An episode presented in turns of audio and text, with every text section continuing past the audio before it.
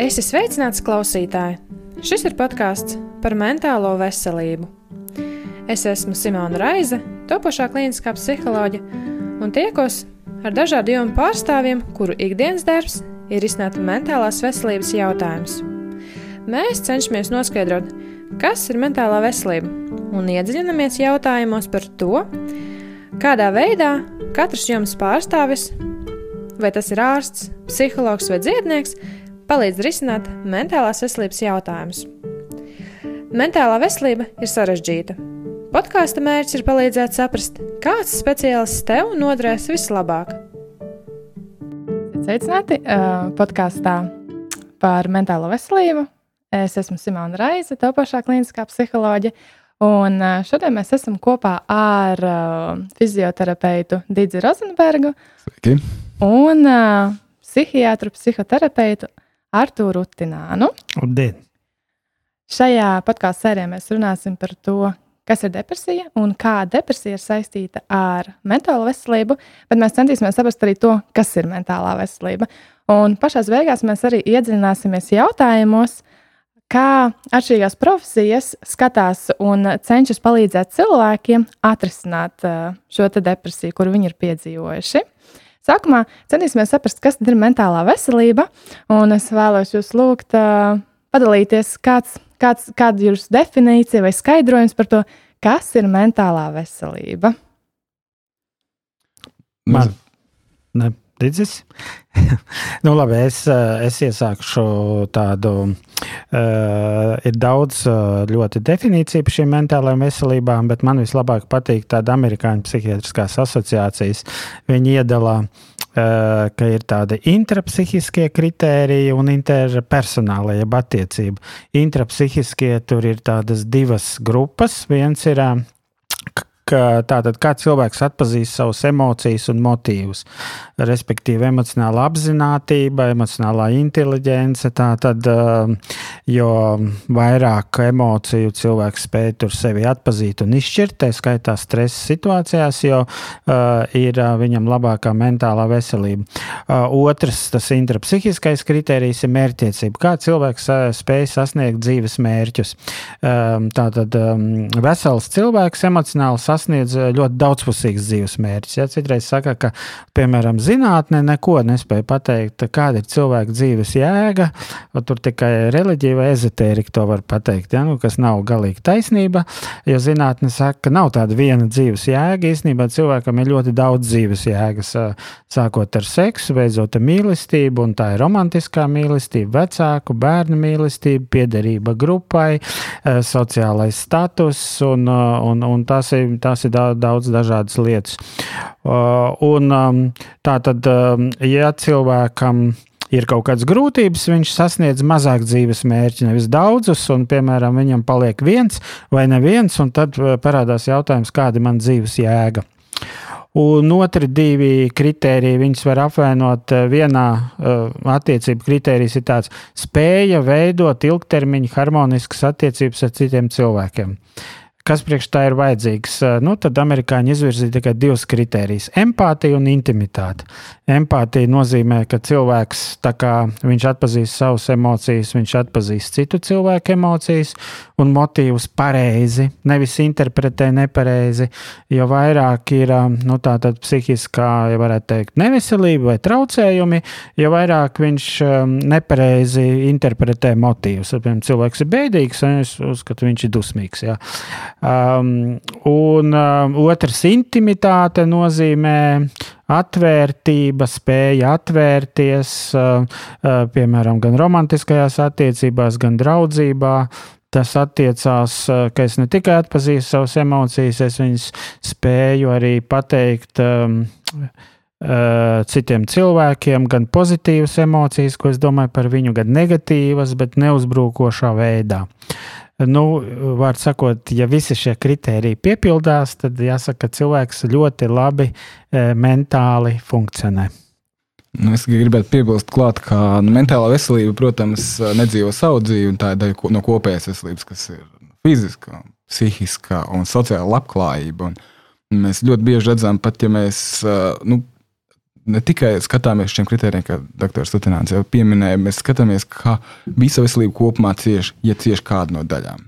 Mēs nevaram runāt par pilnīgu veselību, tad, ja mēs ignorējam sociālo fonu, vidus fonu vai fiziskās funkcionēšanas spējas. Un mēs ļoti bieži redzam, ka mentālā veselība tieši spēja atpazīt emocijas, spēja uzturēt ilgtermiņa attiecības. Viņa ļoti cieši saistās ar cilvēku spēju arī fiziski funkcionēt. Un to, manuprāt, ļoti būtiski paturēt prātā.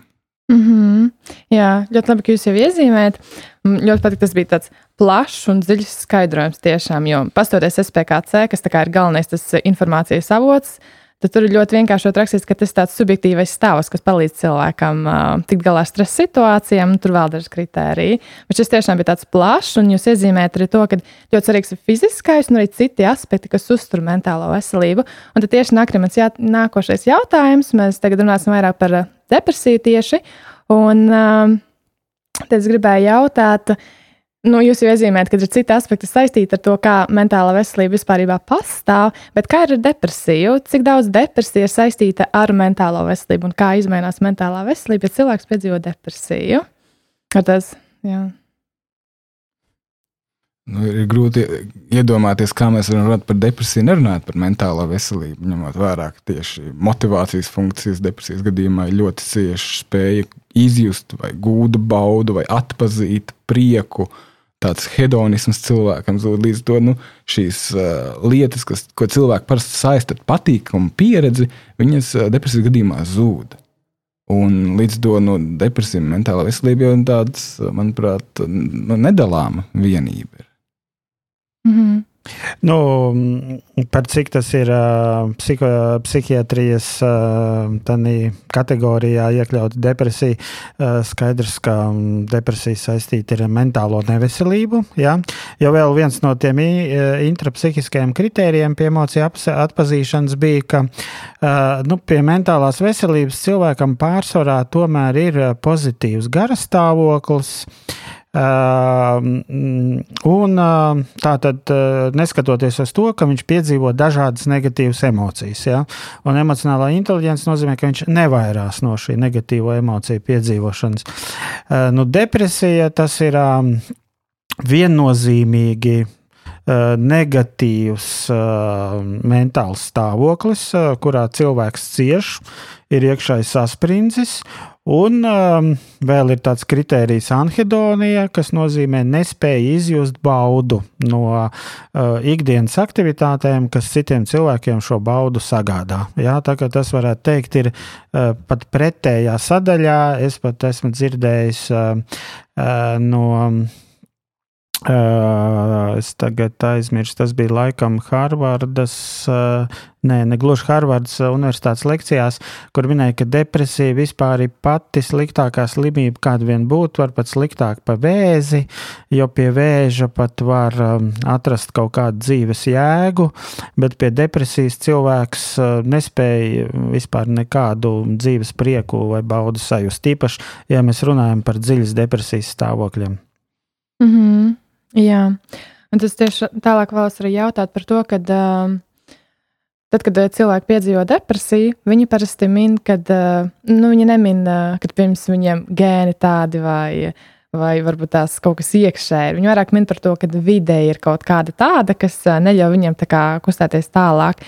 Tomēr tajā pašā laikā ir cilvēks, kuriem mēs skatāmies, un mēs redzam, ka viņi tādi izstāsta kā depresīvi, bet viņi kaut kā uz to dzīvi kā, virzās tālāk uz priekšu. Un, piemēram, ir šie cilvēki, kur viens, viņi tā kā, piemēram, abi divi saka, ka uh, viņiem ir šī depresija, bet uh, viena grupa, pieņemsim, izvēlas, ka viņi, uh, nu, piemēram, sastādīs mērķu plānu. Vai arī uh, izdomās kā, mainīt savu dzīvi. Un viņi to izdara, bet ir tieši tādi paši, teiksim, līdzīgi, kuri kā, apņemas darīt to pašu, bet viņi neizdara.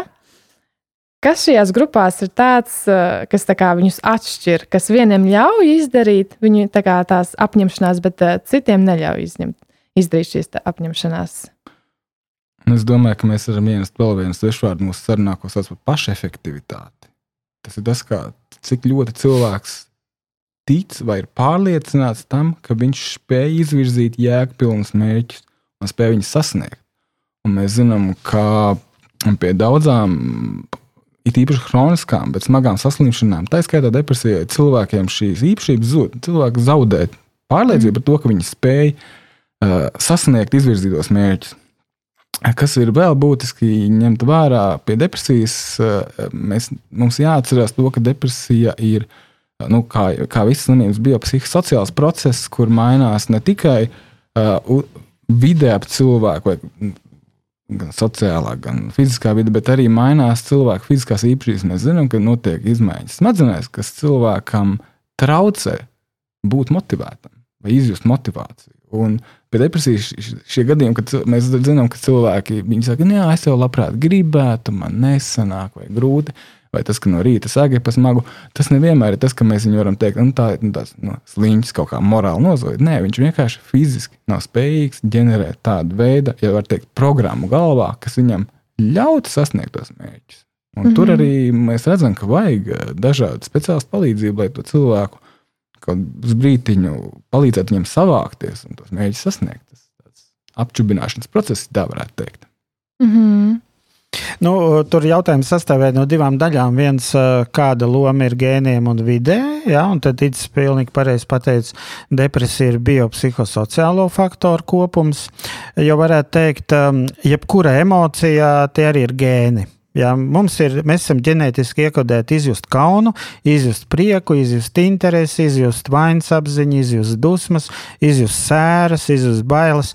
Ja mums tāda gēna nebūtu, piemēram, vecāki varētu mūs kaunināt no līdz līdz vakaram, mēs blisnātu acis un nesaprastu, pa ko man jānokaunās. Ja, tas, ir, tas ir pirmkārt. Vai, piemēram, um, ja mēs vēl varētu atrast, uh, ka vecāki visus mūs kaunināja, es parasti minu tādu piemēru, vai kāds var atcerēties, uh, ka vecāki mūs mācīja, kā just aizvainojumu. Jā, vat, nu, to neviens nevar atcerēties. Un aizvainojums ir vat, tāda emocija, ko vecāki pat e, saka, nu beidz pūsties, jā, bet mēs tik un tā jūtam aizvainojumu. Un tas arī tāpēc, ka tas ir gēnos. Jā. Uh, bet šie ir gēni, kas aktivējas pie miedarbības ar apkārtējo vidi. Ja? Ir depresijas, kuras ir tādas bioloģiskākas, um, nu, piemēram, sezonālā depresija. Nu, tur sākas tikai ziemā. Bet arī nu, vienkārši tur lielāka loma e, varbūt tās ir tām gaismas daudzumam, tur saule vai tumsa. E, tas varbūt nav tik daudz attiecības, kas aktivē to depresiju, bet nu, tā tā ir miedarbība ar apkārtējo vidi.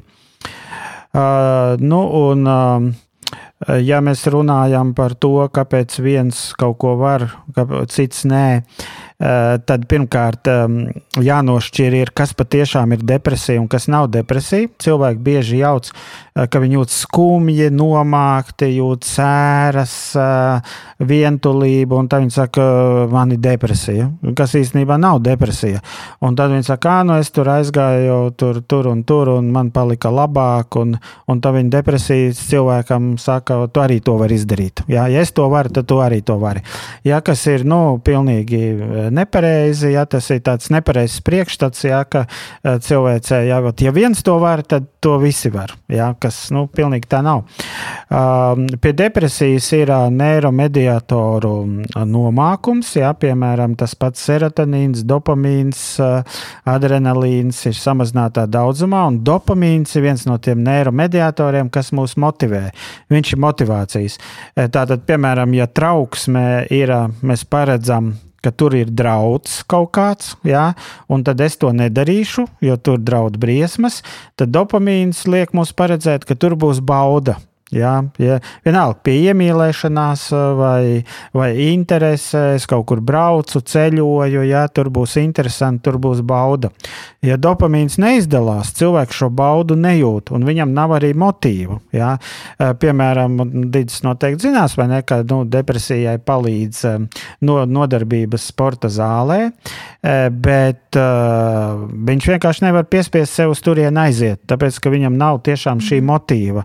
Jo viņš neparedz tur, ka tur būs bauda. Viņš paredz tikai, ka man tur būs slikti, man tur būs vēl sliktāk, labāk ir palikt mājās. Un tāpēc, piemēram, vārdi uz šādu cilvēku neiedarbojas.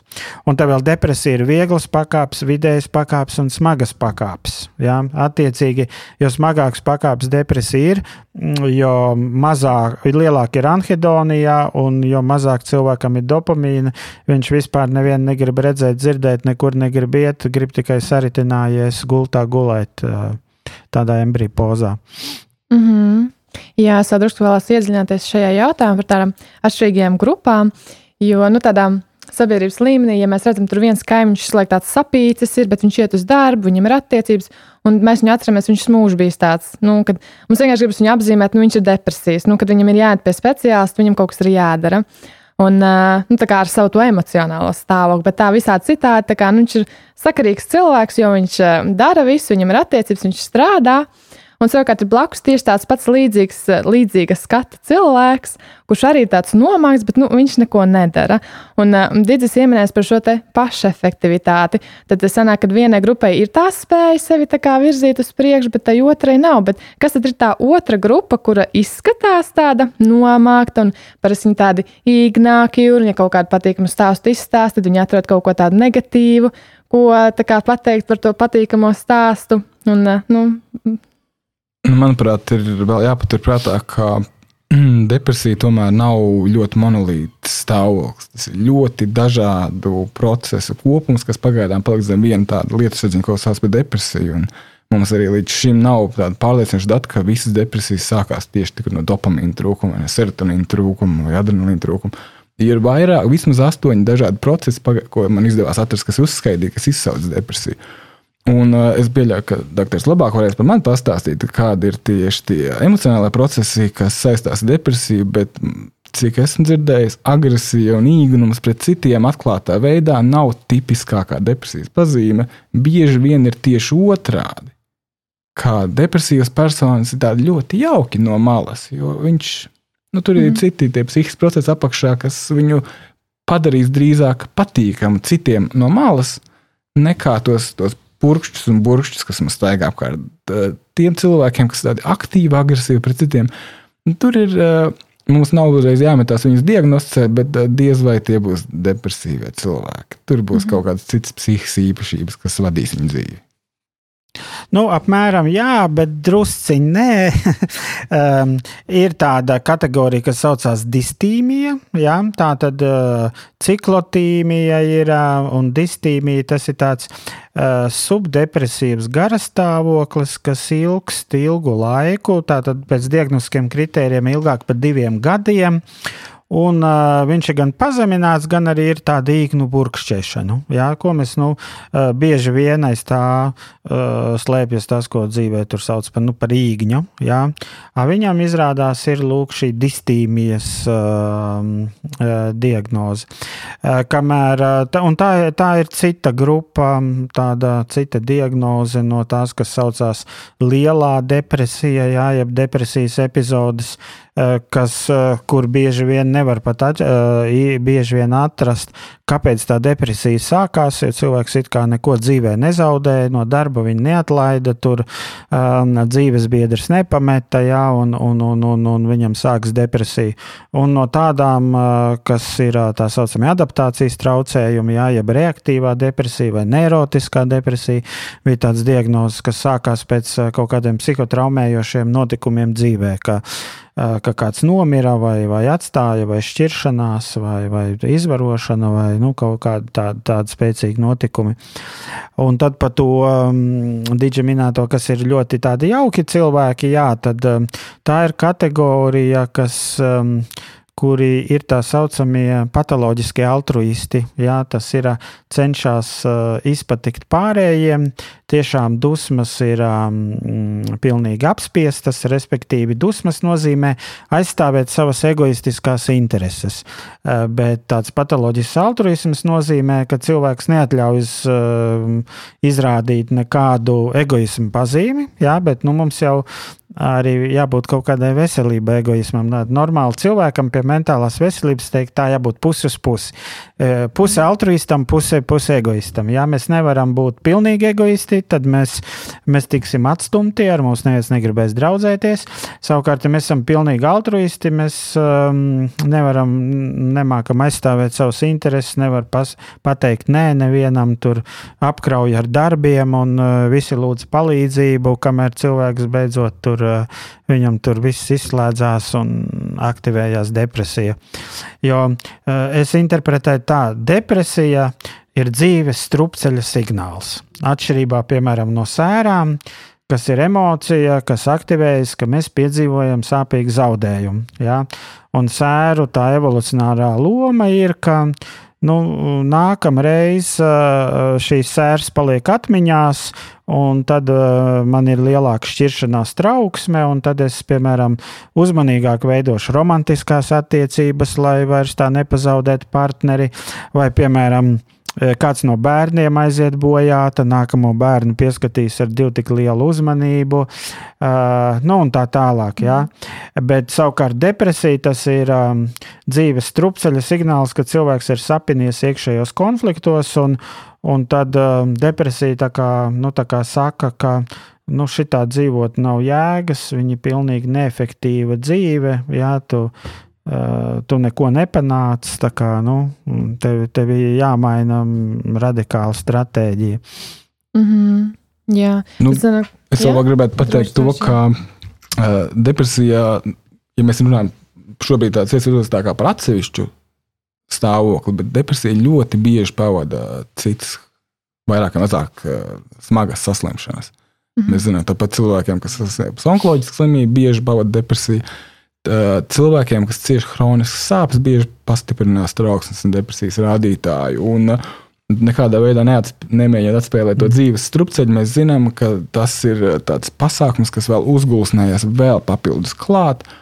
Es nezinu, vai cilvēkiem, kas staigā visu mūžu īgni un burkšķi, vai viņi cieš chroniskas sāpes, kas mm. varbūt kombinējas ar viņu depresiju. Bet mm. nu, no malas jau vienmēr lietas izsaka nedaudz citādāk nekā tad, ja mēs uh, iedziļināmies tajā konkrētajā gadījumā. Un tādēļ tā. Tas vienmēr ir tā viltīgi no malas pateikt, kas kuram kaita. Jā, jā, tāds ir. Ja tagad sanāk, jūs minējāt to, ka īstenībā tos cilvēkus, kurus tagad apzīmēja, kad uh, mēs viņus no malas redzam, ka viņi vienkārši ir īgni, un tad uh, īgni neapmierināt, tad drusku apātiski varbūt tās, un tad mēs gribam viņus kā, apzīmēt ar šo apzīmējumu depresiju. Mēs zinām, ka depresija ir par to, ka cilvēks ir nomākts. Tas tā kā, nu, tās, tās divu vārdu kombinācijas, depresija un nomākts. Un, jā, jūs tikko minējāt to, ka cilvēkam patiesībā ir tās iekšē kaut kādas sāpes vai fiziski simptomi, un viņš to neizrāda. Tas viņam vienkārši spiež būt nomāktam. Un varbūt tas viņam nemaz nav depresija, bet viņš vienkārši nu, var attīstīties depresijā, viņš šādā stāvoklī visu laiku. Uh, Un, jā, jūs minējāt, ka ir arī distīmija, kas arī ir tāds stāvoklis, bet es vēlēs papil pajautāt, papildus, distīmija tas arī ir kaut kādā brīdī aizsāks, jo par depresiju ir tā, ka nu, kaut kādā brīdī ir tā vide, kas tā aktivizē, un kā attīstās šī depresija, un ar distīmiju kā tas ir, vai visu dzīvi viņš tā Jā, piedzimst. tagad, tagad uh, jaunajā klasifikācijā, nu, arī desmitajā saslimšana klasifikācijā ir, ka uh, skaitās, ka tā kādā brīdī aizsākās, un viņi var arī kādā brīdī beigties. Uh, kaut gan iepriekšējās klasifikācijās bija ielikts um, tāds ciklotīmiķis, hipertīmiķis un hipotīmiķis. Un tas skaitījās tāds raksturs, ka viņš visu dzīvi uh, ir piemēram tāds uh, vai nu distīmiķis, tāds uh, nomākts burkšķētājs, vai vienkārši tāds subdepresīvs raksturs, vai tieši pretēji tāds um, tā kā nu, tāds nekritiski, tāds visu laiku jautrs, tur ieskaitot arī bērēs vai tur vēl kaut, kā, kaut kādās tādās nepārāk atbilstošās situācijās. Um, tā kā tas var ilgt ļoti, ļoti ilgu dzīves daļu. Mm -hmm. Bet tagad uzskata, ka tas nav gluži raksturs. Uh, visādā ziņā tādu apzīmējumu izņēma no klasifikācijas. Mm -hmm. Tad tas sanāk, iepriekš bija bija tāds uzskats, ka tā ir tā kā personības daļa, kad būtībā viņš piedzimst ar šo iezīmi un tad viņi kopā ar personību attīstās kopā. Bet... Uh, nu, jā, kad viņš to, viņam tomēr notiek tāds svārstīšanās līdz uh, ar um, dzīves veiksmēm vai neveiksmēm, jā, tad viņam tas var padziļināties vai izlīdzināties. Uh, Jo, jo miedarbība ar apkārtējo vidi tur tik un tā notiek. Jā, bet nu, par cik bieži vien viņiem tiešām atrod tādu sliktu pieredzi jau kopš bērnības, tad viņš nav iemācījies arī iegūt prieku. Ja? Jo, lai iegūtu prieku, pozitīvas emocijas, nu, principā viņas ir jāaktivē. Ja? Tas ir tomēr tādas smadzeņu sinaptiskās saites, viņas ir kā celiņi, viņi arī jāieslidina. Ja ģimenes tradicionāli tradīcijās nav, nav nekas tāds, piemēram, kā, teiksim, kurās ģimenes tradīcijās māca, um, vismaz 25 veidus, kā uzlabot savu garastāvokli. Ja? Jūs nemaz tik bieži nu, neatradīsiet, ja? ka tur vecāki, vai tur, teiksim, kaut kāda tur galda kultūra, kaut kādas spēles, tur kaut kādas sporta spēles, galda spēles, kā tur viens ar otru tur, nezinu, pabužināties un, un, un, un noglāstīt, un kā pateikt kaut kādas patīkamas lietas, un kā apmeklēt interesantas vietas, un, un visādā ziņā. Pat nu, cilvēkiem ir grūti citreiz nosaukt pat desmit. Ot, desmit uh, situācijas, kurās mūsu ģimenē bija labi. Mm. Ja? Es maz nesaku, ka būtu labi, ja varētu 80 nosaukt. jā, jā. Un tad vienkārši nu, tā reflektējot par jūsu teikto, man vienmēr nāk prātā tas par ēšanu kā balvu, kas arī daļa gadījumu, kad depresijas sāk mīties ar ēšanas traucējumiem. Mēs mm -hmm. zinām, ka daļa cilvēku depresija iestājās tas, ka viņi neko nevar iest, un viņi tā kā izdilst. Tad ir otra daļa, kas mēģina aizstāt to nēsošo baudu caur tādu orāliem, patīkamiem kairinājumiem, ēdot. Tad tie ir tie cilvēki, kas sasniedz paaugstināt ķermeņa masu. Un, un bieži vien tas ir vienīgais veids, ko viņi spēj iedomāties, kā, kā uzlabot savu garstāvokli, ir tieši caur kaut kādu ēdienu kā instrumentu, mm -hmm. nevis uzskaitītos. Jā, jā, kas stimulē ēšanu, tos pašus dopamīna receptorus, vai arī nu, cits piemērs ir alkohol, alkohols un narkotikas. Jā, tas pats, jā, tā tad, ja viņš nemāk iegūt pozitīvas emocijas dabiskā veidā, viņš ķerās pie tādiem, nu, ēšana tāds pusdabisks, bet pa daudz tāds pusnedabisks, bet no nu, alkohols un narkotikas tas jau tāds pavisam mākslīgs veids, iegūt pozitīvas emocijas. Mm -hmm. Jā, man vēl ienāca prātā, vai varētu būt tā, ka negatīva tāda, nevar teikt, negatīva uzdība, bet uh, depresijai, tā kā depresijai līdzīgas pazīmes ir iemācītas kā uzvedība. Ja jūs minējat, ka nu, ģimenē tā tiešām nu, nevar iedomāties, ka kāds nosauc, ka mērķiecīgi māca tagad veidus kā pozitīvi. Var tās šobrīd, šobrīd tas var tās man šķiet bums, kad nu, gribas apzināti dzīvot un visādi citādi. Bet varbūt tās vienkārši bērns augot ir iemācījies, no, ja vecāks, vai tas vecāks ir negatīvs, viņš pārņem tās kaut kādas uh, iezīmes, kuras raksturo depresiju. Jā, jā. Un, un piedāvājam, tur ir uh, saistība ar gēniem. Uh, ļoti daudz, kas mūsdienās ir izmeklēts. Uh, rekādi, uh, ir atrasts tā, ka ja ir viens, uh, viens gēnu variants, es tagad aizmirsu viņu nosaukumu, tur bija eh, ar tādiem burtiem. Eh, bet, un, ja pret bērnu izturās varmācīgi, viņš vairāk identificējas kā upuris ja, ar šo gēnu variantu. Respektīvi, bet, ja vecāki izturās pret viņu normāli, tad šis gēns neizpaužas ne, nu, tādā veidā. Un līdz ar to viņš identificējas kā upuris, un kā upuris jūtas arī visā dzīvē. Un, un, un ja viņš sastopās ar kaut kādām nu, tur konkurences vai nesapratnes situācijām darbā un savā ģimenē ar uh, tekošo partneri, uh, tad viņš to uztver uh, nu, kā, kā sevis pazemošanu un, un tam līdzīgi. Ja ir otrs gēnu variants, kas saistīts ar tādiem monamīnu oksidozes inhibitoriem, kas veido to pašu dopamīnu, tad uh, savukārt, uh, ja pret šo bērnu izturas agresīvi, viņš identificējas ar agresoru un respektīvi viņš paliek tikpat agresīvs kā agresīvi pret viņu izturējās. Ja? Nevis kā upuris. Ja? Um, savukārt, ja pret viņu izturās normāli, tad atkal šis agresijas gēns neizpaužās. Mm -hmm. tā tad, um, kā teiksim, tāda agresīva audzināšana iedarbosies uz bērnu, tas, tas ir atkarīgs no, no gēniem. Savukārt pie labām emocijām, jā, tad, piemēram, šie ekstremālie varianti ne, neizpaudīsies. Mm -hmm. Vēl jau arī, protams, jāpaturprātā tas, kā cilvēki vispār mācās, kā bērni mācās. Mēs zinām, ka bērni mācās vērojot, imitējot, atkārtojot.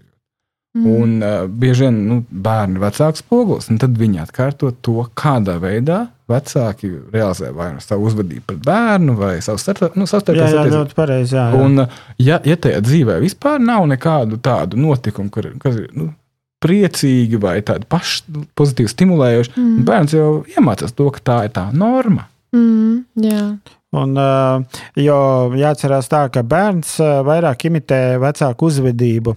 Vecāki domā, ka viņi var uzvesties nu, tur visādi, kaut ko tur bļaustīties un kauties un, un ar suicīdiem draudēt jā, viens otram un šķiršanos, jā, bet nu, ka bērns viņu mācīs pareizi un tad bērni izaugs pareizi. Jā. Mm. Uh, bet nu, mums ir tie spoguļu neironi un mums ir tāds imitācijas instinkts un, un bērni imitēs vecāku uzvedību, uh, nevis tik daudz vārdu vārdus.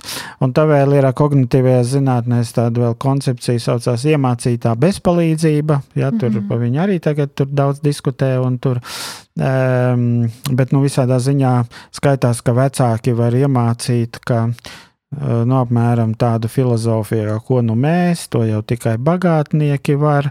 Uh, tur būs turīgs tikai tad, ja tu zaksi. Mm. Jā, mēs jau te nabadzīņi, te cietīsim. Un, un līdz ar to šī filozofija tā kā vai izveido tādas. Um, saucās kodola pārliecības uh, cilvēkā, kas viņu arī tā vada pa dzīvi. Mm, jā.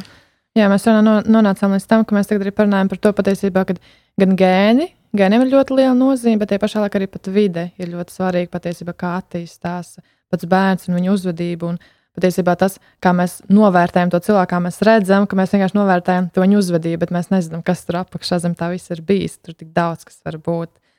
Es tālāk gribu pajautāt par to, ka uh, depresija bieži vien nāk kopā ar viņa labāko draugu pašnāvību. Un, um, nu jā, man tas jautājums ir tāds, kādēļ cilvēkiem, kuri piedzīvo depresiju, viņiem tā, tā atslēga ir uh, pa, izdarīt pašnāvību. Un, protams, ka tur ir tas skaidrs, ka viņi grib izbēgt no visām savām problēmām, bet viņi daudz laika, vairākus pat gadus var pavadīt vienkārši vizualizējot, ka, ka viņi izdara pašnāvību. Bet te pašā laikā, kāpēc viņi nevarētu, piemēram, iedomāties, ka viņi ir putni vai atrodas nezinu, kaut kur Marsā vai kaut kā citādāk. Nu, jā, jo beigās jau viņi tomēr to pašnāvību izdara. Jā. Redzat, kreatīvā domāšana ir saistīta ar dopamīnu. Jā, Jā. Starp citu, jo vairāk dopamīna, ja domāšana ir kreatīvāka, ja dopamīna ir ļoti daudz, domāšana var būt tik radoša, ka aiziet līdz schizofrēnijai. Ka viņš izdomā, ka viņš jau ir putns un var lidot pa gaisu un, un tam līdzīgi. Um, bet um, tur ir trīs uh, pamatemocijas, kas ir depresijā. Uh, kas ir pašas tādas patagnomākās, tas ir nosauktā bezpalīdzība, mhm. bezspēcība, tas attiecās uz tagadni. Ja? Es tagad esmu bezspēcīgs izmainīt savu dzīvi, man nav palīdzības, es esmu viens. Ja? Un tad nāk klāt trešā emocija, kas saucas bezcerība. Un tas attiecās uz nākotni. Ja? Tā kā es teicu, pie dopamīna cilvēks paredz, ka mani nākotnē sagaida veiksme, bauda, nezinu, nauda, slava. Bezcerība ir pretēji. Ja?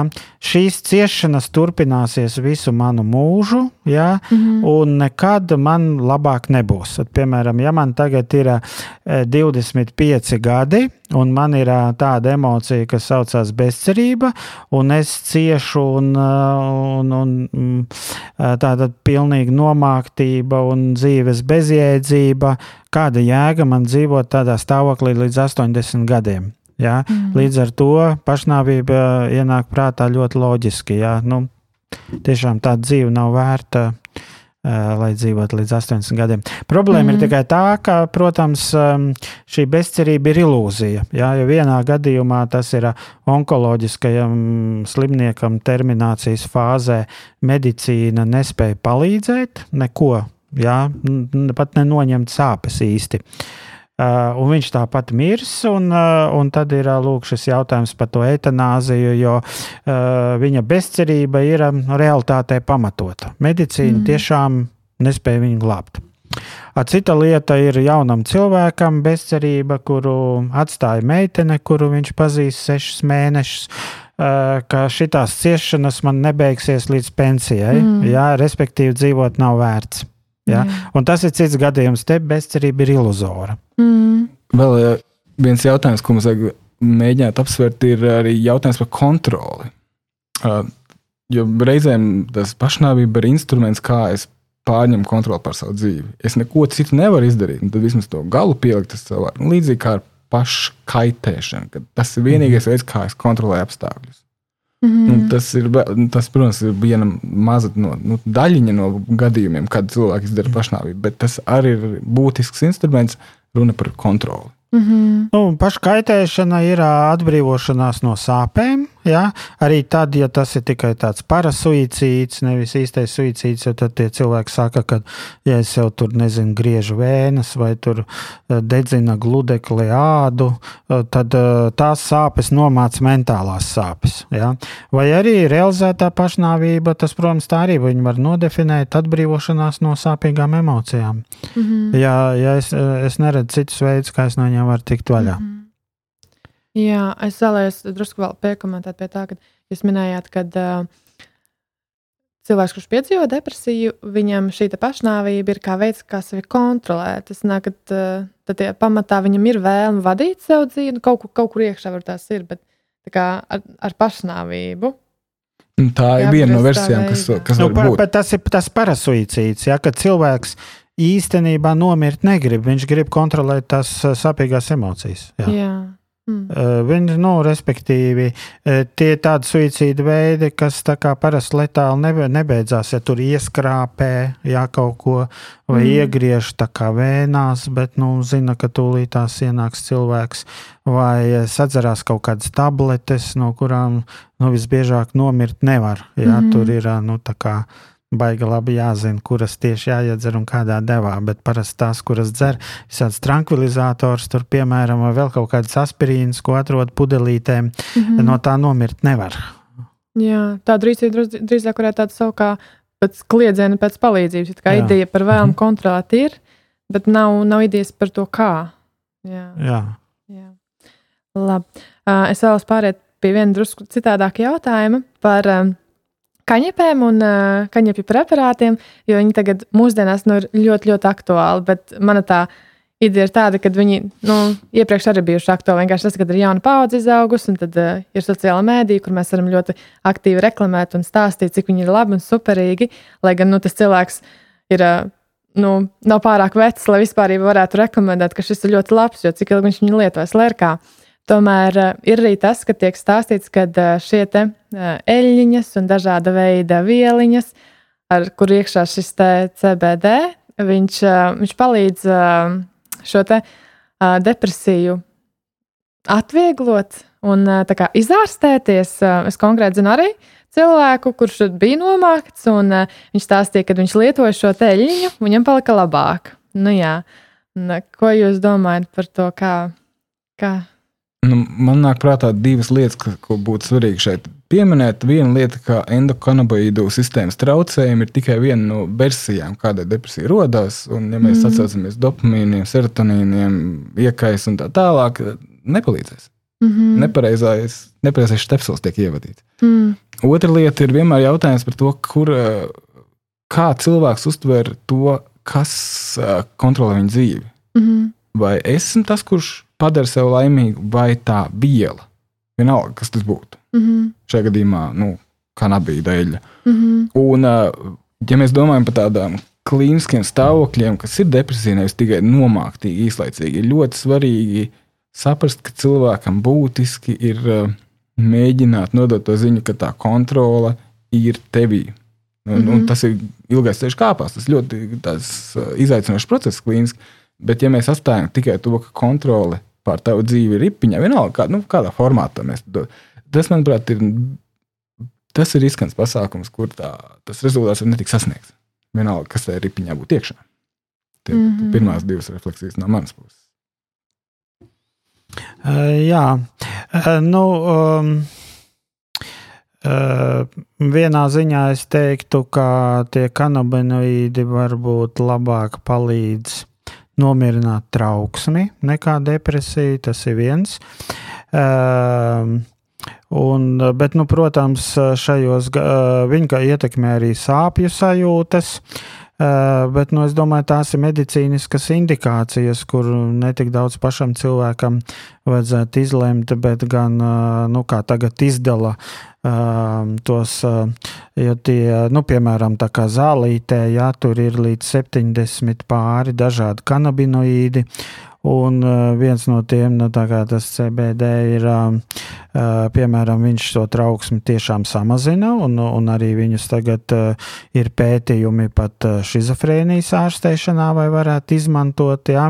Mm. Un savukārt ir citi tur ir tādi, ka šizofrēnija, piemēram, ja cilvēkam ir šizofrēnijas gēni, viņi tieši var aktivēt. Ja? Mm. Uh, tā kā, piemēram, un, un tad kāda nu, tur kombinācija, kādā tur tais porcijās gadās, tas ir, tas ir tādi riska faktori. Um, Otrs, tas, ka palīdzēja, mēs nezinām, vai tas nebija placebo efekts, jā, mm. jo to nemaz tik viegli nevar atšķirt.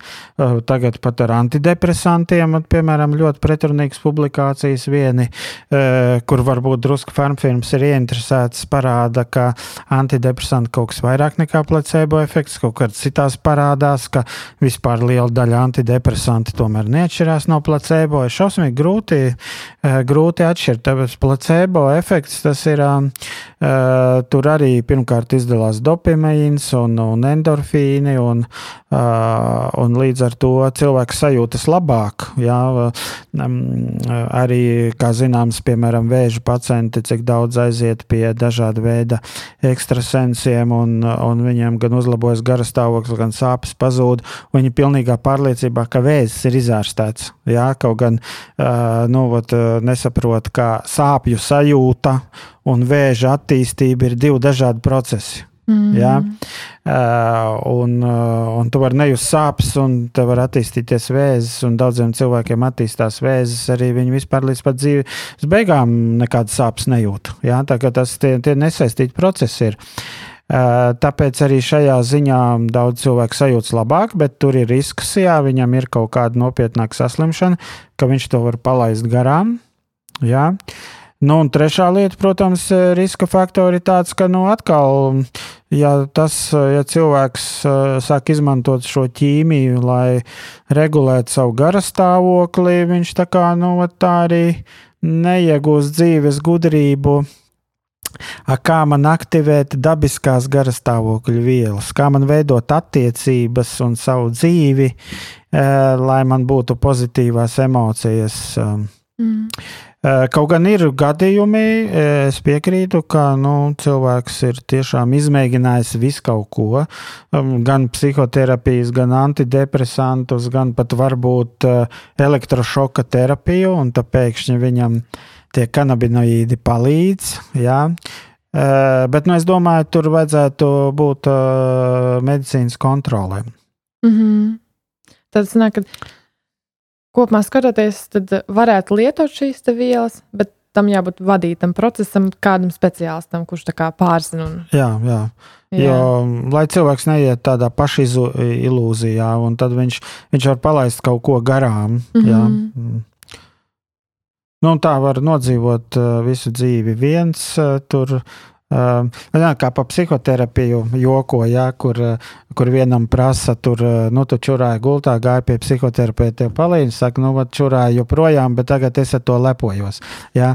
Īstenībā tas neatiecās uz psihoterapiju, tas attiecās vairāk uz Mm, piemēram, kanabinoīdiem, jā, vai, eh, vai eh, arī, nu, ja lieto tikai antidepresantus, jā, tad viņš jūtas labāk, bet viņa dzīve ne ar ko nav labāka. Jā, mm. bet nu, viņš, jūtas, viņš jūtas labāk. Mm. Vienkārši subjektīvi ir tas. Nu, visam ir savs laiks. Antidepresantiem ir savs laiks, iespējams, jā. arī kanabīdiem būs savs laiks, bet uh, uztaisīt viņu kā vienīgo terapijas instrumentu, manuprāt, šobrīd ir pāragri. Jā, jo arī antidepresanti jāliek kopā ar sapratni, jā, mm -hmm. kas notiek tavā dzīvē. Mm -hmm. Jo, tur ir tā lieta, ka, ja, ja mēs skatāmies, ka joprojām depresija bija psihosociāls process, un ja mēs tikai vēršamies uz to bioloģisko procesu, mēs palaidām divus pārējos garām. Tas jau neatrisinās problēmu. Mēs tikai tur pišķi, mm. pišķi, pišķi piešpaktelējam. Tāpēc. Jā, jā. Viens risinājums reti kad palīdzēs. Vienalga, kurš no viņiem visiem. Mm -hmm. Jā, mēs tagad arī drusku parunāsim par to, ko darīt cilvēkam, piemēram, ja viņš ir sapratis, ka viņš jūtas tā nomāktāk un e, nejūtas pārāk labi, un viss sāk iztīties tā sliktāk un sliktāk. Kas būtu tas, e, kur cilvēkam vispirms vērsties? Ko jūs teiktu? Cilvēkam, kuram ir sajūta, ka iespējams viņam, viņš sāk piedzīvot depresiju, attīstās. Nu, nu, ja viņš saprot, ka tā ir depresija, vispār es ieteiktu no sākuma ir ģimenes ārsts, mm. pie kāda vērsties. Jā. Ģimenes ārsts tad attiecīgi nosūta. Mm -hmm. Bet, protams, viņš var vērsties pats bez ģimenes ārsta pie psihoterapeita ja, vai psihologa. Tas ir, ir viena lieta. Jo nu, tur tāpatās vismaz Latvijā neatma, neapmaksā ja vēl ar ģimenes ārstu nosūtījumu kaut ko apmaksātu, tad varētu iet no sākuma pie ģimenes ārsta. Mm -hmm. Nu, otra lieta, no, tagad ir, nu, de, ja mēs runājam par depresiju, visu laiku bija divas pamatārstēšanas metodas depresijai, un tā ir visādas papildu. Pamat mm -hmm. bija antidepresanti un psihoterapija.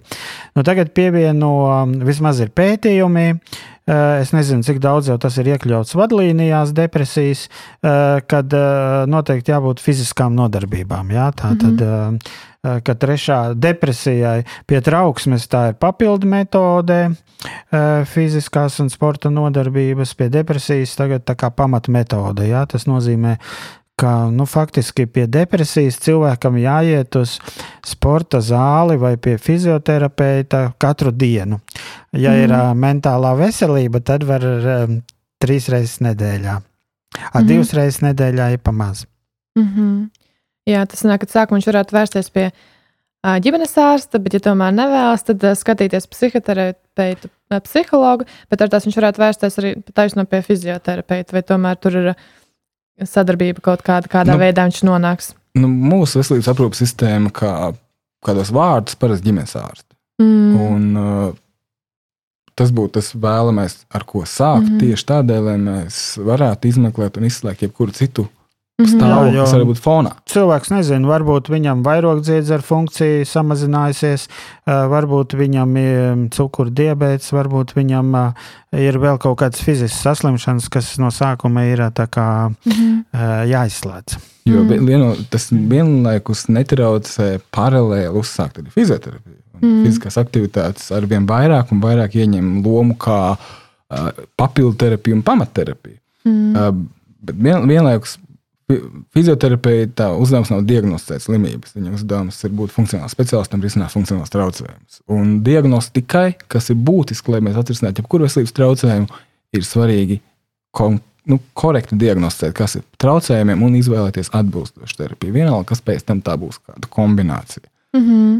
Tāpēc, uh, lai izslēgtu visus sliktākos iespējamos scenārijus, svarīgi sākt ar ģimenes ārstu Vienlaikus var uzsākt arī fizioterapiju, tāpat vērsties pie ārstiem speciālistiem. Mm -hmm.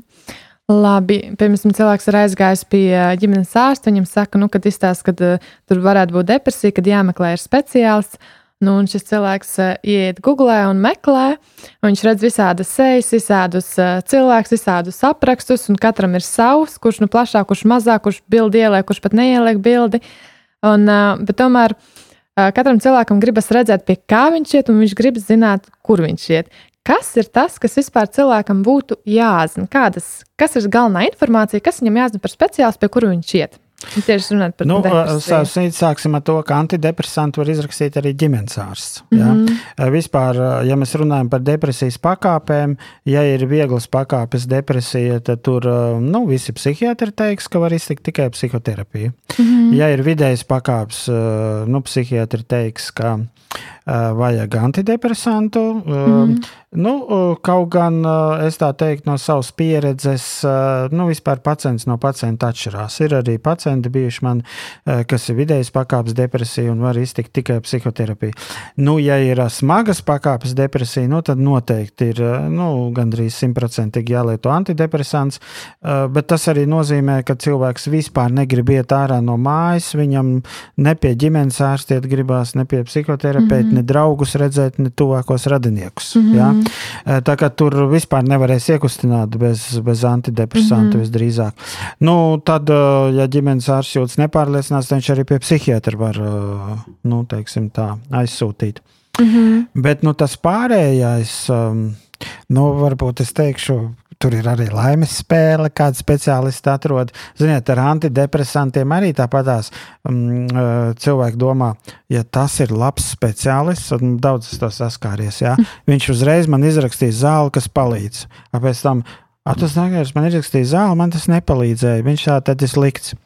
Bet ārsts nevar paredzēt, kā jums palīdzēs antidepresants. Jā, to nevar paredzēt. Mm -hmm. um, tur ir jāizmēģina parasti mēnesi, un, ja nepalīdz, ir jāme, jāmeklē cits antidepresants. Un tas atkal jāizmēģina mēnesi. Nu, tur jaunās paudzes, mm -hmm. vecās paudzes var atšķirties. Vecās paudzes pat divu mēnešu. Mm -hmm. um, Ar psihoterapeitiem arī var būt tā, nu, tur bez fotografijas, ar fotografiju, vai psihodinamiskā, vai kognitīvā, vai interpersonālā. Tā var būt individuālā, grupas, vai varbūt pāri jāiet. Mm -hmm. ja? Um, varbūt pašpalīdzības grupas. Uh, nu, uh, teiksim tā, tas tāpat kā ar medikamentu. Viens medikaments nepalīdz, ir jāmeklē cits, mm -hmm. jā, cita metode, cits terapeits. Mm -hmm. Tā kā, uh, nu, un cik ātri cik ātri atrod to īsto, eh, nu, tur ir drusku tāda laimes spēle. Mm -hmm. nu, to visu var vēl papildināt to, ka viena lieta, ko var skatīties, protams, ir, lai, lai tā informācija, kas ir pieejama par speciālistu, būtu pietiekami pilnīga tādā izpratnē, ka mēs zinām, kurš šo speciālistu var sastapt, kurā laikā mm -hmm. ir mhm. skaidri noteikumi. Tā, ja, manuprāt, tas arī ir labs rādītājs. Mm -hmm. ja, zinām, skaidrs cenrāds, atrašanās vieta, darba laiks. Uh, saziņas formu pieļauj. Nu, tas jau vien parādīs to, ka šis cilvēks sasniedzams un visdrīzāk ar viņu varēs vienoties par terapiju. Mm -hmm. Bet tālākais, līdzīgi kā doktors teica, ir, ir jāinvestē arī pacietībā. Mm -hmm. nu, daļa ģimenes ārsta var rekomendēt. Viņam tur ir kaut kādi zināmi speciālisti. Viņi jau rekomendē kaut ko tā arī var būt. Bet nu, tas nenozīmē, ka tā rekomendācija nostrādās. Mm -hmm. Jā, būtībā tas nāk, ka drusku ir jāļaujas tam riskam un jābūt drusku atvērtam par to, kā, kas tur būs priekšā. Jā. Nu, kāds risks jautājums, kas, kas ir tas par risku, kam tur jāļaujas?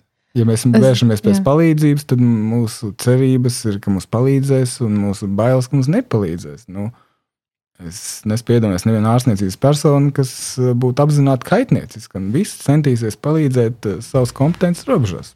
Nu, ka ieilgs, jā, nu, varētu teikt, normāli ir neziņas trauksme. Jā, cilvēkiem jau gribās skaidrību, jā, ka tur būšu, to paņemšu, to izdarīšu, būšu vesels. Jā. Bet, nu, diemžēl, ir jāpieņem, ka vispār pasauli valda neziņa. Mm -hmm. Mēs ne, nevaram paredzēt nākotni, uh, faktiski nevienā jomā, jā, arī tajā, kāda ārstniešanas metode palīdzēs. Mm -hmm. Jā, tas nāk, kad ir jābūt tam drusku draugam. Tai, tai... Ir, ir tikai statistika. Procentuāli tik un tik cilvēkiem palīdz. Mm -hmm. Vienmēr katrai metodei procentuāli tik un tik cilvēkiem nepalīdz. Ja? Mm -hmm. Kurā jūs tiksiet? Kurā vietā standarta novirzā mēs esam, tur To mēs uzzināsim. Jā. Tas nāk, nu jā, kad ir jābūt labākiem draugam tam, kā, tai, kā jūs minējāt, um, baiļu, baiļu tai sajūtai, kad, kad iet pie tā speciālista. Uh, Es teiktu, trauksmes. Trauksme, trauksme, jā. Viņš nesitīs, neziņas bet trauksme. trauksme, neziņas trauksme. Jā, neziņas trauksme. Nu, kaut kādā veidā, nu, trauk, tā teikt, šī trauksme par nezināmo ir daļa no mūsu dzīves. Mēs jau nekad nevaram zināt, kas būs. Mm -hmm. Mums tā, tā ir jāpieņem, jā. neziņas trauksme jāpieņem. Uh, cilvēki varbūt zaudē laiku. Nu, piemēram, viens piemērs ir. Uh, cilvēkam ir trauksme, vai man nav vēzis, bet es baidos iet pie ārsta, ja nu viņš tiešām pasaka, ka man ir vēzis. Un, piemēram, jā, te ir, nu, piemēram, tāds kaitīgais piemērs ne, vai neadaptīvais. Mm. Bet jā, jāņem vērā, ka arī šī trauksme, kas, mm. kas var būt da, daļa no depresijas vai jebkura cita veselības stāvokļa, viņiem arī tiks risināta terapijas mm. laikā. To ris, visdrīzāk palīdzēs risināt jebkurš speciālists, ne tikai psihoterapeits. Jo arī mēs skatāmies, kā terapija strādā, tad tas cilvēks arī mācās no attieksmes, ko pret viņu pauž medicīnas darbinieks. Ja, viņš, mm -hmm. ja tas medicīnas darbinieks prot sakārtot tos apstākļus tā, ka viņi rada miera sajūtu, un viņš spēja iemācīt to, ka tu spēj kontrolēt to trauksmi. Tad jau tā trauksme laika gaitā mazināsies. Un, bet neaizejot, neuzzinās. Mm. Jā, jā, jā. Mēs, mēs arī sūtām pie fizioterapeitiem, jo mums arī fizioterapeiti māca, kā pārvarēt panikas lēkmes, protams, piemēram, diafragmālo elpošanu. Jā, klinikā tas ir. Mm -hmm. Jā, nu, jā sanāk, ka cilvēks saņemās, tad viņš dodas uh, pie sava terapeita. Un, um, cik, cik ir tas ilgs laiks, kad, kad viņš saprot, ka šis ir mans, kurus palieku, vai, vai nav šim cilvēkam, cik viņam varētu būt ilgs laiks, kad viņš to var saprast.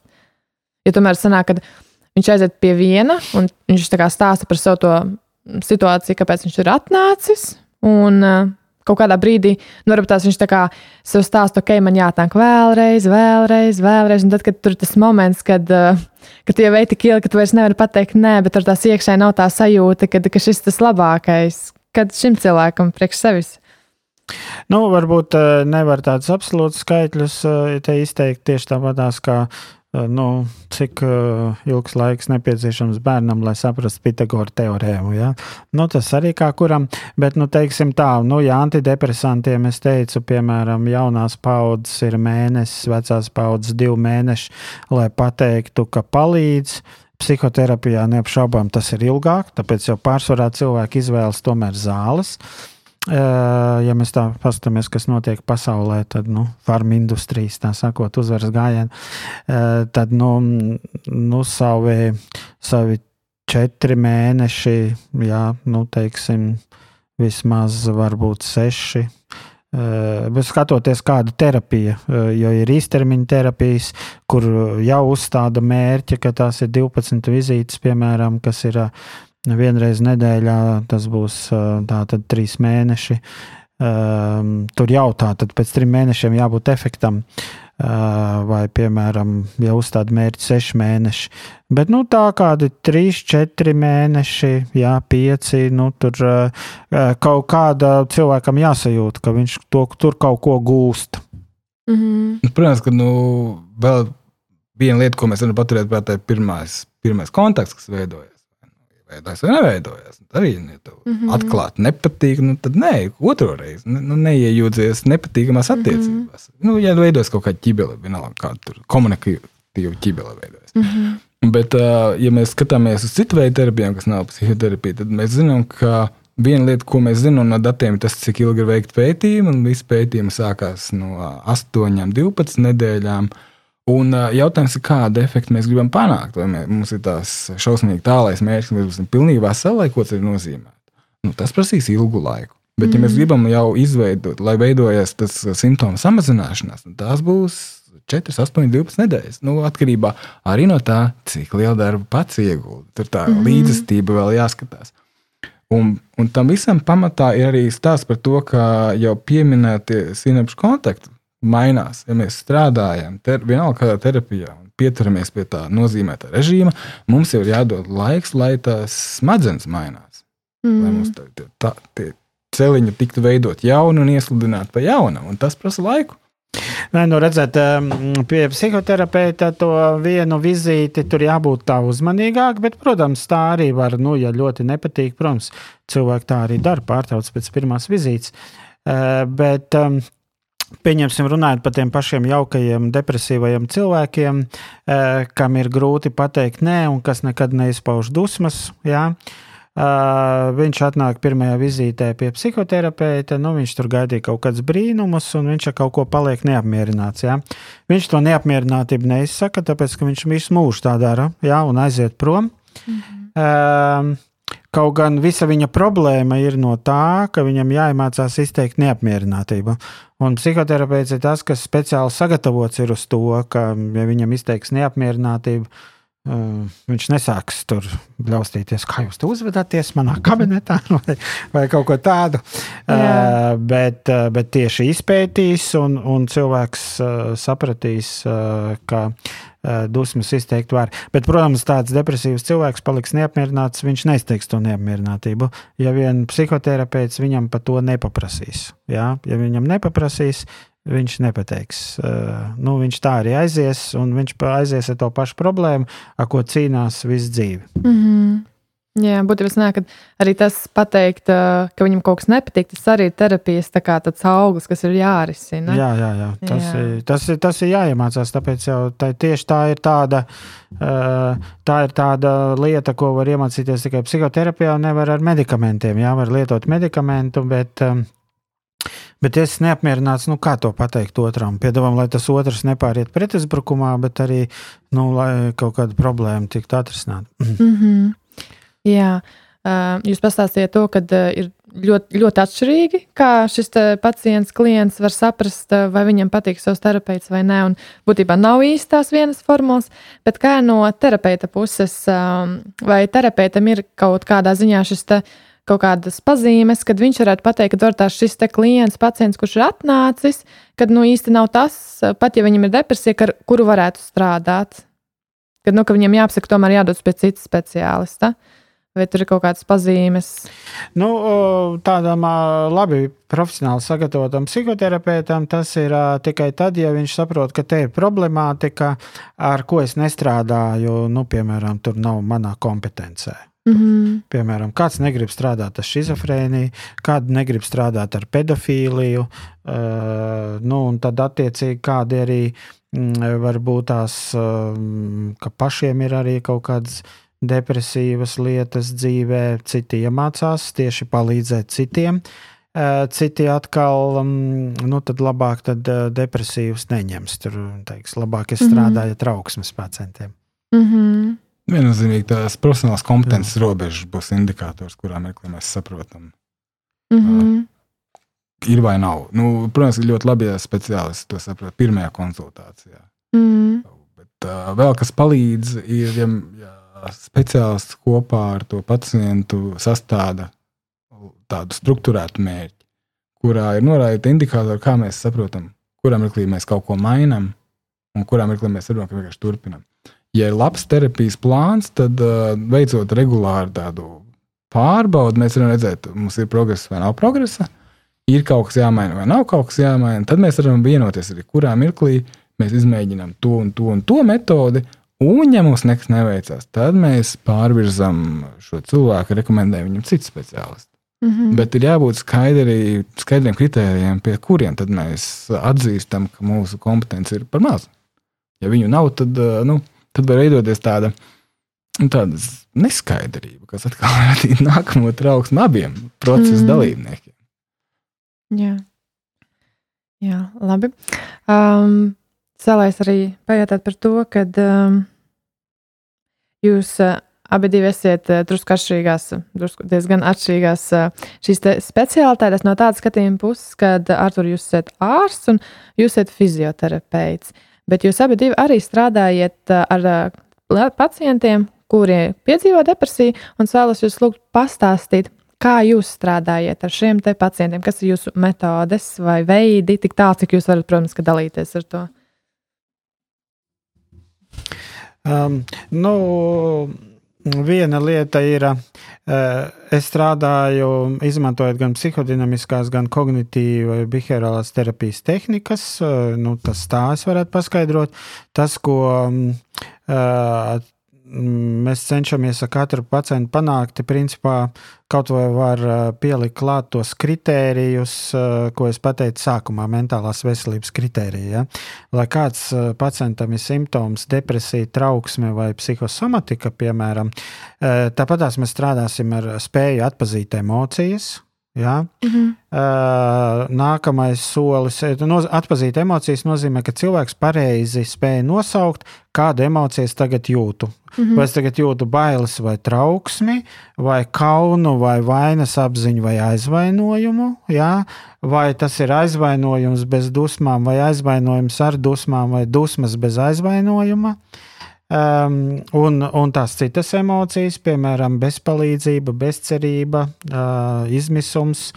Uh, nākamais, uh, katra emocija ir uh, kaut kāds signāls, uh, kaut kāda um, signāls, kas nes uh, kaut ko par iekšējām vērtībām. Ja? Līdzīgi, tas ir līdzīgi tā kā Eh, bada sajūta saka, ka man vajag paēst. Tā katrai emocijai ir savs specifisks signāls, ko tā emocija man saka. Mm. Uh, piemēram, aizvainojums saka, ka es jūtos uh, nu, kā cietējs, kam dara pāri, pret mani izturās netaisnīgi šobrīd. Savukārt vainas apziņa man saka, ka es pats pret kādu esmu izturējies netaisnīgi, kādam es nodarīju pāri. Kauna sajūta man saka, ka, piemēram, es pats esmu cietējis un pats esmu vainīgs. Es nu, pateicu muļķību, un neviens man tā kā aiz mēles neraustīja, piemēram, ja, vai vēl kaut kādā veidā izgāzos. Ja. Un tā, un tā teiksim, interpretēt. Eh, nākamais solis ir saprast, vai šī emocija ir adekvāta vai neadekvāta. Es varu adekvāti apvainoties, varu mm. neadekvāti apvainoties. Man kaut kādi savi taisnības kritēriji, kurai vispār eh, neviens cits pasaulē nepiekristu. Ja? Mm -hmm. um, un, un, piemēram, nu, tas ir parasti cilvēkiem, kas apvainojas par, ja starp citu, aizvainojums ir. Uh, ļoti tāda būtiska emocija, kam cilvēki maz pievērš uzmanību, jo aizvainojumā ir savas taisnības apziņa. Atšķirībā no panikas lēkmes vai depresijas, kas nevienam cilvēkam nepatīk, un tad viņi iet un saka, atbrīvojiet mani no šīm emocijām. Mm -hmm. Tā kā es apvainojos, tad cilvēks kliedz uz visiem un pārliecībā, ka nezinu, ar mani muti runā taisnība un morālā taisnība un pārējiem ir netaisnība. Uh, Un tad, tad var skatīties, vai nu kāpēc šī emocija ir neadekvāta, kur vai nu apakšā stāv, kā to kognitīvajā terapijā dara, neadekvātas pārliecības un kodola pārliecības par sevi, par citiem cilvēkiem. Un var pētīt pieredzi, kā tas ir um, dzīves pieredze no bērnības, uh, kā tieši piemēram šī izteikta aizvainojamība, vai kauns, vai greizsirdība, kā viņi izveidojās dzīves mm. laikā, kāpēc viņi uzauga tik liela, ka man tagad traucē dzīvot.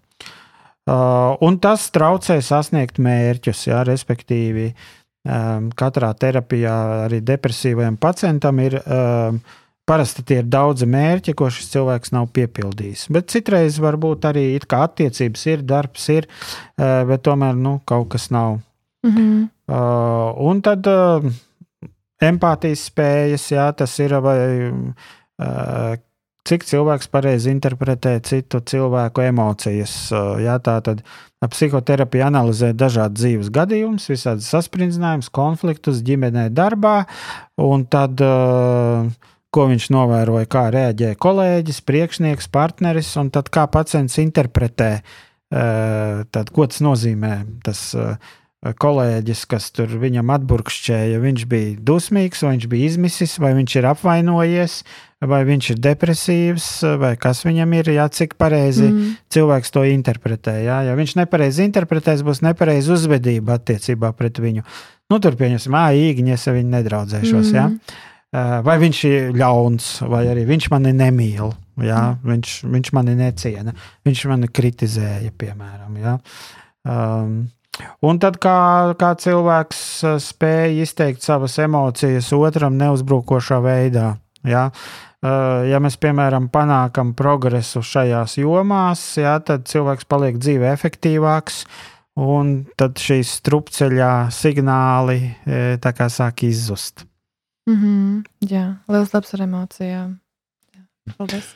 Uh, nu, Fizioterapijā skatās šo jautājumu vienmēr caur to saucamo funkcionalitāti. Respektīvi, ko cilvēks spēj vai nespēj dzīvē paveikt no tā, ko viņam vajadzētu, varētu, vai to, ko viņš gribētu, varētu paveikt. Tad mēs skatāmies, cik tālāk, vai, vai kādā līmenī ir šie traucējumi vai iztrūkumi. Un, un fizioterapijas metodes, varētu teikt, ir trīs lielākās tās būs izturības treniņi, mm -hmm. tie būs spēka treniņi, tā būs ķermeņa apzināšanās, kas būtu tās galvenās terapeitiskie instrumenti. Protams, fizioterapija darbā ar cilvēku ar depresiju vai depresīviem traucējumiem vienmēr sākās ar ļoti tādu padziļinātu sarunu par to, kas ir mērķis. Mm -hmm. Kādēļ? Tādēļ, ka caur fiziskiem treniņiem, kas ir plānots, strukturēti, organizēti, mēs varam cilvēkam iemācīt to, ka viņš kontrolē savu dzīvi, viņš iemācās plānot savu dzīvi. Un tad viņš iemācās arī izvirzīt mērķus un būt motivēts un palikt pie tiem mērķiem, kas ļoti mm -hmm. būtiski. It kā netieši caur šo, vienalga, vai tā būtu velobraukšana, nojošana, tam nav tik liels nozīmes. Viņš mm -hmm. mācās kontrolēt savu dzīvi. Bet vēl viens, kas jāpaturprātā, ka visi šie fiziskie vingrinājumi vai izturības treniņi, spēka treniņi, viņi tomēr rada vairākas tādas bioloģiskas izmaiņas uh, organismā, tā skaitā smadzenēs. Mēs zinām, ka cilvēkam, kurš regulāri nodarbojas ar nu, noteikts intensitātes uh, fiziskām aktivitātēm, viņam mainās tās smadzeņu daļas, kas tieši iesaistās vai nu mm motivācijas radīšanā, vai emociju kontrolē, atmiņas procesos, spējā izjust baudu un tā tālāk. Respektīvi, viņš var ne tikai uzlabot savu fizisko stāvokli, viņš var iegūt arī spēju smadzenēm atpazīt to informāciju, kas viņam liek justies labi. Mm -hmm. Un ķermeņa apzināšanos ir vēl viena lieta, ka mēs arī ietekmējam gan tās pašas smadzenes struktūras, kas atbild par uh, depresijas simptomu rašanos, gan arī mēs varam uh, viņiem iemācīt, atpazīt nepieciešamās sajūtas, kādas ir. Mm -hmm. Just kaut ko, kas nav bezcerība, bezspēcība, nevarība. Tāpēc tā fizioterapija caur kustību, caur kustību apzināšanos, kustību veikšanu, vienalga tas ir izturības vai spēka treniņos vai ķermeņa apzināšanas vingrinājumos, mēs mācām cilvēkam kontrolēt savu dzīvi, vienlaikus iedarbojoties uz neirobioloģiskiem procesiem. Mm -hmm. Ātrumā. Jā, tas nāk, tad, ja, piemēram, ja klients dotos vai pacients dotos pie Artūra, tad tas būtu tā tikšanās kabinetā, kur sēdētu viens otram pretī un runātos. Bet, ja, piemēram, klients dotos pie jums, tad viņš tā kā nāk tur sportā, piesparēs saprast. Um, atkarīgs no situācijas, tas var viennozīmīgi tam jābūt ērtam tērpam. Jo mm -hmm. Nu, jā. atkarībā, ja mēs izmantojam kaut kādas spēka izturības treniņus, tad jābūt gatavam iesvīst, kas ir normāla mm -hmm. procesa daļa, bet ķermeņa apzināšanās vienmēr būs tāda fiziska nodarbe. Tas būs elpošanas vingrinājumi, lai apzinātos ķermeni vai meditīvas tehnikas, tur var nākt arī kaut vai uzvalkā, mm -hmm. vakartēpā. Bet uh, viennozīmīgi daļa no fizioterapijas saistās ar paaugstināt fizisko slodzi vai fizisko aktivitāti, kas cilvēkiem arvien smagākā pakāpe ir arvien mazāka. Mm -hmm. Jā. Super. Jūs uh, tiešām dalāties daudz dažādām interesantām atziņām un uh, arī ar savu pieredzi, kas tiešām bija nu jā, plaši un dziļi. Teikšu jums paldies. Man paldies bija interesanti, jums. un noteikti būs arī klausītājiem ļoti interesanti. Paldies! Paldies! Paldies!